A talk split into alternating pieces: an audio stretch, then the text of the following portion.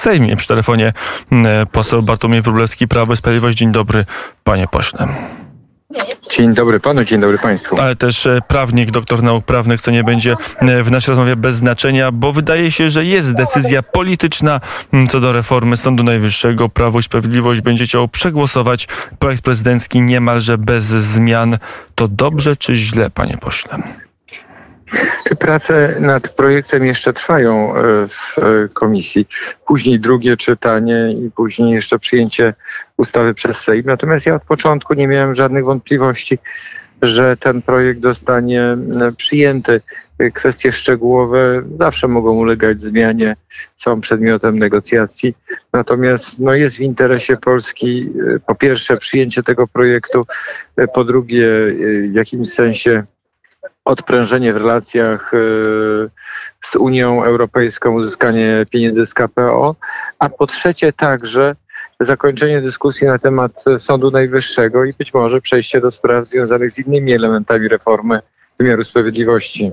Ustawa prezydencka to zapewnia, bo Solidarna Polska i Ministerstwo Sprawiedliwości mają poważne wątpliwości w tej materii.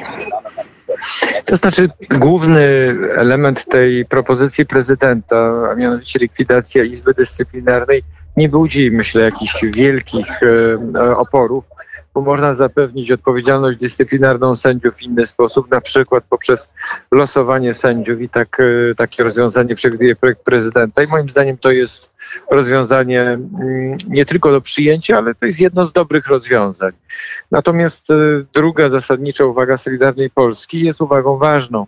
No to dotyczy kwestii testu niezawisłości, no, czyli możliwości poddawania wątpliwości prawomocności powołań e, nominacji sędziowskich. I to jest kwestia, która rzeczywiście budzi także no, moje wątpliwości. Myślę, wielu ludzi, właściwie wszystkich ludzi myślących y, musi to budzić wątpliwości. Być może tutaj będą jednak y, korekty, które ograniczą wszystkie ryzyka związane z tym mechanizmem. Mam nadzieję, że tak będzie. Mm, e, i że e, będzie kompromis, bo być może ustawa prezydencka złagodzi napięcia, napięcia między Polską a Brukselą, ale wytworzy inne między PiSem a Solidarną Polską.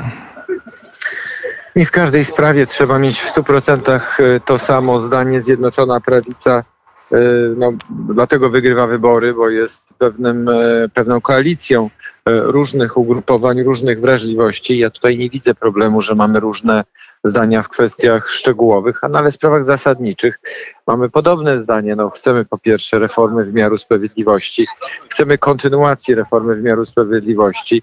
E, po drugie, chcemy silnej pozycji e, Polski w Europie. E, chcemy, by Polska pozostała suwerenna. E, ale też rozumiemy, że w niektórych sprawach trzeba szukać e, kompromisów. Co do pryncypiów, moim zdaniem nie ma różnic. No, w kwestiach szczegółowych może pojawiać się pytanie, czy robić to, co słuszne, czy robić to, co możliwe. Mm, pojawiają się informacje, że podobnoż e, marszałek Sejmu Elżbieta Witek sonduje możliwość samorozwiązania Sejmu, chociaż akurat chyba takiej formuły nie ma w polskiej konstytucji do końca, mm, ale że jest takie napięcie, że, że za chwilę będą wcześniejsze wybory mm, i nie będzie na listach PiSu polityków Solidarnej Polski. Nic o tym nie wiem. Wydaje mi się, że wybory odbędą się w terminie konstytucyjnym. E, taki zresztą taki jest porządek prawny i taka jest pewna logika polityczna. Trudno mi sobie wyobrazić, żeby wybory miały odbyć się w sytuacji takiego wielkiego napięcia międzynarodowego w naszej części e, Europy. Więc e, te informacje o rozwiązaniu, o zakończeniu wcześniejszym kadencji Sejmu to są informacje tak jak informacje o potworze Loch Ness, które pojawiają się zawsze w sezonie ogórkowym no i tak też jest z, z, z, tymi kwestiami długości kadencji, co trzy miesiące, co cztery miesiące. Ten temat do 2015 roku zawsze wraca. Więc ja jestem raczej, raczej myślę, że nie dojdzie do takiego e, scenariusza, do rozwiązania do wcześniejszych wyborów, aczkolwiek oczywiście nigdy nie można e, wykluczyć, gdyby okazało się, że na trwałe brakuje większości w parlamencie. Ale ja takiego scenariusza absolutnie nie zakładam uważam, że są to zupełnie niepotrzebne dywagacje. Mm, o, media dzisiaj dywagują bardzo intensywnie, dywagują także mm, o tym, że być może ta ustawa mm, reformująca Sąd Najwyższy, dająca kompromis z Komisją Europejską, a tym samym uwolnienie polskiego e, KPO, czyli tych 770 miliardów złotych dla Polski, będzie przyjęta nie głosami koalicji rządzącej, tylko głosami PiSu i PSL-u.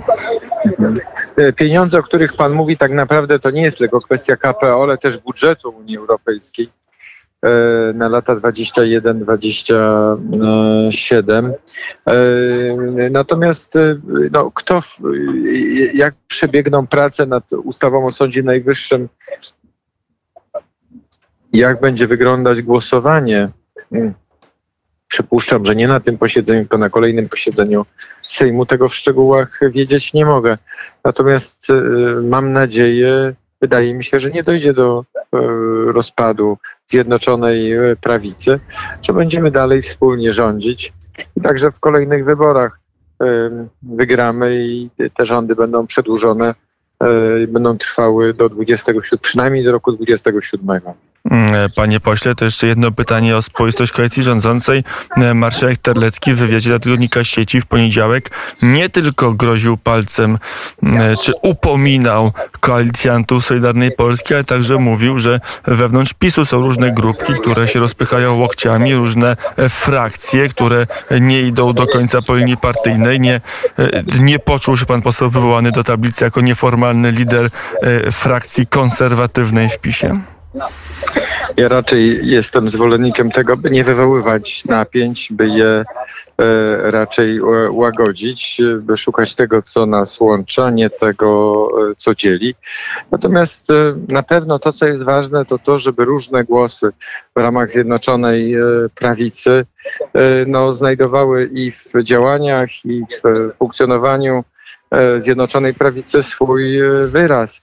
No, jest duża grupa wyborców, o poglądach konserwatywnych, wolnościowych, ludowych i oni też chcą widzieć, że te sprawy, które dla nich są ważne, e, na przykład dotyczące rodziny, na przykład dotyczące e, gospodarki, na przykład dotyczące wsparcia dla rolnictwa, są konsekwentnie realizowane.